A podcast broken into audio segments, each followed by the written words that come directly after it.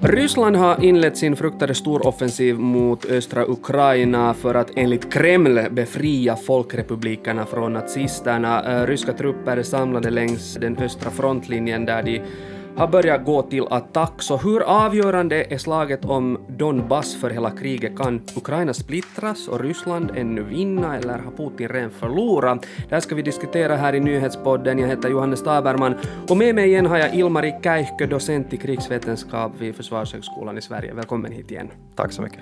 Uh, det är många medier som nu rycker i dina ärmar när vi ser en ny fas av kriget i Ukraina inledas, så det är fint att du hinner komma hit också.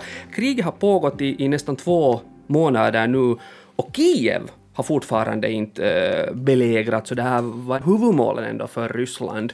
Tvärtom så kommer det nu rapporter om att butiker och kaféer öppnar igen, metron går igen och, och, att vardagen försiktigt på något sätt lite börjar återvända. För första gången är det nu fler ukrainare som återvänder än lämnar landet och vi ser också västerländska politiker som besöker Kiev. Så jag menar, det här låter och ser ju så lovande ut, men hur ska man tolka det här riktigt? Ja men faran är inte över och just den här stora offensiven som nu sägs börja i östra Ukraina, det kan ändra allt igen. Men eh, ukrainska styrkor har lyckats eh, tvinga ryska styrkor lämna, lämna områden norr om Kiev. Så att så småningom hoppas man nu från det ukrainska hållet att eh, att den fasen av kriget är över och att nu kommer kriget i fortsättningen ske mest i Donbassområdet i östra, östra Ukraina. Men det är liksom ännu för tidigt att vara optimistisk och utesluta att, att kriget inte skulle kunna komma närmare Kiev igen i något skede? Absolut, och uh, vi vet inte om, uh, om nu Ryssland lyckas ta områden i Donbass, kommer de nöja sig, sig med det? Mm. Det, det, vet vi inte i dagsläget. Nej, precis. Uh, Ryssland försöker ju nu in i det sista förhindra vad ska vi säga, en förnedrande förlust. Eh, just nu verkar man därför just ha gett upp tanken om att inta Kiev och, och samlar istället sina eh, militära krafter i Donbass i östra Ukraina. Men vad vet vi egentligen om den här ryska offensiven? Kan man verkligen säga att, att den här storoffensiven nu har, har inletts? Ja, men det, det, diskuteras väldigt mycket just nu. Eh, det, det kan väl sägas att, att minst inledningen för, för den här stora, stora offensiven har börjat. Om vi har sett hela offensiven än, det vet vi inte i dagsläget. Så det är liksom lite inne i en sån upptrappningsfas ändå. Exakt. Är det möjligt att den här liksom ryska storoffensiven brinner helt ut i sanden? Nu ser vi att ukrainska armén nu i början i alla fall har lyckats hålla sina positioner. Absolut, och eh, det, det, är väl intressant i det här kriget att vi har överskattat den ryska militära förmågan och underskattat den ukrainska militära förmågan. Och eh, ukrainare, de har varit väldigt framgångsrika, inte minst i de här områdena norr om Kiev. Eh, och Ryssland har varit mycket sämre än vi trodde. Och det återstår att se om Ryssland har lärt sig från sina misstag och mm. också om, om ukrainare kan upprepa det här eh, segern som de hade tidigare i, nu i Donbassområdet. Där är terrängen är annorlunda, försörjningslinjerna är mycket kortare för Ryssland, mycket längre för Ukraina. Så att eh, situationen är annorlunda. Och också nu när Ryssland misslyckades med, med sin ursprungliga strategi där man egentligen började föra fyra krig samtidigt i Ukraina. Nu är det ett krig och man har kraftsamlat i Donbass. Och dessutom har man nu infört nytt befäl. Och alla, alla det här kan leda till en situation där Ryssland är mycket starkare nu än tidigare. Men det återstår att se om man har helt enkelt stridskrafterna kvar. Och det är mycket möjligt att om man nu misslyckas med den här offensiven så har man inte helt enkelt råd eller förmåga att fortsätta inom de närmsta månaderna i alla fall. Så mycket liksom står på spel också för Ryssland nu i den här offensiven. Men jag menar, hurdan krigföring är det vi kan vänta oss nu? Jag läste någonstans att liksom 200 000 ryska soldater nu liksom samlas kring den här östfronten och som du sa, det är annan terräng man nu för krig i. Så hurdant krig kommer vi att se där? Det som vi kommer sannolikt se är största striderna i Europa sedan andra världskriget. Att det, det här är något som vi har inte sett sedan, sedan 1945. Um, ehm, och det, det som vi förväntar oss är väl att eh, Ryssland kommer inleda den här offensiven med, med mycket artillerield, med mycket luftmakt och sen kommer man in med, med stridsvagnar och andra, andra styrkor. Problemet för Ryssland kommer dock bli, om de inte lyckas mobilisera betydliga mängder nya soldater, är väl att de saknar infanteri. Och eh, förr eller senare kommer de återigen hamna i situationen där de strider i städer och de har norr om Kiev redan visat att de kan inte riktigt det här. Även i Mariupol har de nu stridit i snart sju veckor mm. utan att lyckas ta staden. Och där kommer man nog köra fast om man inte lärt sig något ordentligt från sina, sina tidigare misstag. Men, men till en början så, så förs liksom den här offensiven mera då på liksom öppna fält där man liksom kan röra sig med fler liksom stridsvagnar på rad. Ja, men man hoppas att man kan först bomba och sen köra in med stridsvagnar. Problemet är dock att om det är platt, så det, det blir svårare för Ukraina att försvara sig där. Det är svårare att till exempel ha Ukrains artilleri på plats och så vidare. Men samtidigt, eh, om man kör sig på öppna, öppna fält så kan väl ukrainska eh, pansarvärnsvapen till exempel eh, motverka dem där. Så att det finns även fördelar för Ukraina i situationen. Så att det är inte bara så att det, det är fördelar för, för Ryssland. Och det är bra att komma ihåg att man brukar räkna att den som anfaller behöver tre gånger fler styrkor än den som försvarar. Mm. I städer brukar man säga fem, fem gånger fler. Och ju längre tiden går så det är möjligt att Ukraina blir eh, starkare då. Inte Ryssland, om, om de nu har så pass stora problem med att, med att mobilisera nya styrkor. Så vad försöker liksom Putin och Ryssland uppnå nu med att flytta fokus till östra Ukraina och, och, och ta över helt kontrollen av de här uh, områdena där? Ja, men de försöker vinna. Men just det här, vad betyder en seger i det sammanhanget? Mm. Det, det har omdefinierats. Som när man började kriget så uttalade man sig sådana mål som att byta, byta regim i, i Ukraina, ta över hela landet i princip. Och det var man tvungen att backa på grund av Ukrains motstånd.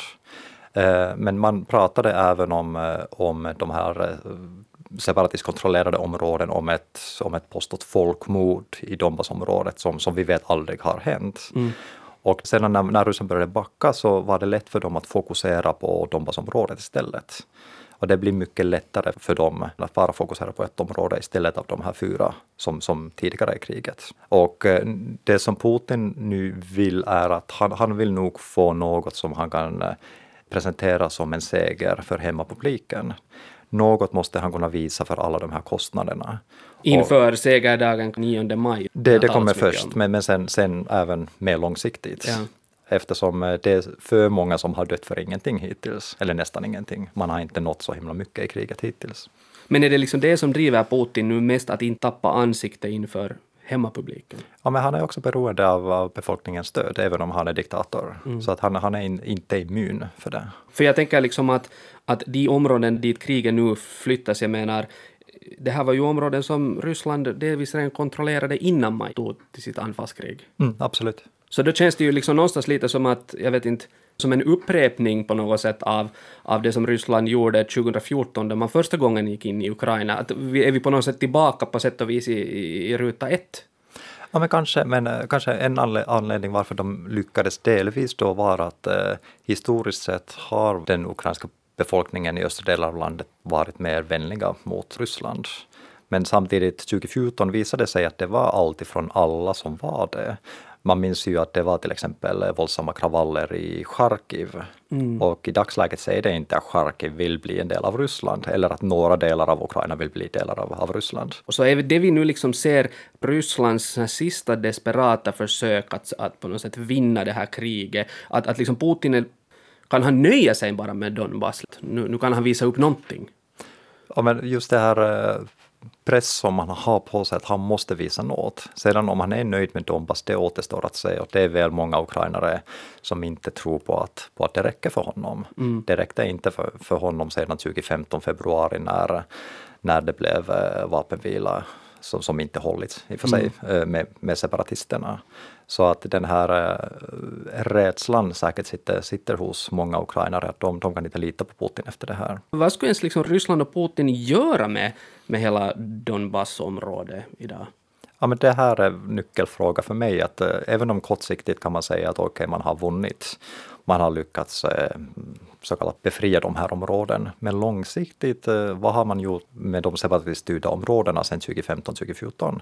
Inte så mycket. De har kostat väldigt mycket, eh, men utan att eh, ge någon egentlig nytta för Ryssland. Så förhoppningen var väl att Ryssland skulle kunna kontrollera ukrainsk inrikespolitik genom, genom de här separatiststyrda områden. Men Ukraina har vägrat det här. Eh, om man nu lyckas ta även större delar av Ukraina så är det väldigt, eller det känns väldigt osannolikt att ja. man, skulle, man skulle ha någon större politisk inflytande över Ukraina Men, men kostnaderna skulle öka enormt om man tar mer territorium och samtidigt på andra sidan av gränsen på frontlinjerna finns nu mycket argare ukrainare som säkert kommer att förbereda sig inför fortsatt krigföring. Kan det här liksom nu då, den här storoffensiven som vi nu ser, kan det leda liksom till att Ukraina splittras? Det kan vara det som Ryssland hoppas här. Men eh, hittills har vi inte sett att ryssarna har blivit bättre än, än tidigare i kriget. Och det, det, är mycket möjligt att, eh, att Ukraina lyckas försvara sig mot det här. Men vad skulle det betyda liksom för Ukrainas självständighet om en sån här splittring skulle ske och Donbassområdet skulle liksom nu då vara under rysk kontroll? Det är svårt att säga, men, men jag undrar om det skulle hota ukrainsk suveränitet och självständighet på något sätt. Samtidigt, det, det är något som vi redan måste börja tänka på, att hur ser Ukrainas framtid eh, ut överlag mm. eftersom det, ekonomin har väl i stort sett kollapsat. Eh, de stora industriområdena finns i, i östra Ukraina, de har nog förstörts. Så att det kommer bli väldigt svårt för Ukraina oavsett vad som händer med Donbassområdet i framtiden. Ja.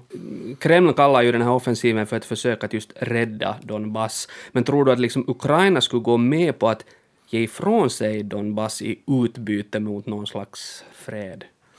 Jag tror att det här har blivit mycket svårare efter Butja eftersom eh, där har vi sett hur den ryska ockupationen ser ut. Mm. Det vill säga mord på människor och, och krigsbrott det, det, har blivit mycket svårare för Ukraina att göra territoriella eftergifter efter det här. Och då undrar jag också att hur många ukrainare vill leva under rysk styre eller separatiststyre. Jag tror att de som ville det har redan 2015 flyttat till, till de separatiststyrda områden eller, eller utomlands. No, men okej, okay, så, så man kan inte förvänta sig liksom att Ukraina vill ge efter här, men, men hur bra förutsättningar har ukrainska armén att försvara sig mot, mot Rysslands upptrappade offensiv i Donbassområdet? Ja, men det beror på om Ryssland har lärt sig något och om de har lyckats lösa de här omfattande problemen med logistik, med moral och eh, ledning. Ehm, men det, det, det är som sagt det är enklare för Ryssland nu när de kraftsamlar. Men det kan också vara enklare för Ukraina om de lyckas kraftsamla i Donbassområdet. Ehm, så det, det, är mycket möjligt att, att eh, att eh, Ryssland inte, inte når sina krigsmål här heller.